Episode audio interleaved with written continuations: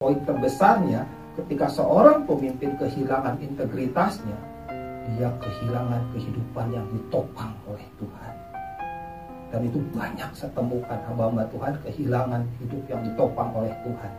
Dia masih khotbah, dia masih memimpin, dia masih duduk sebagai gembala sidang, tapi seperti pohon, pohon tumbang. Pohon tumbang itu apakah langsung ketika pohon ditebang atau ambruk karena angin?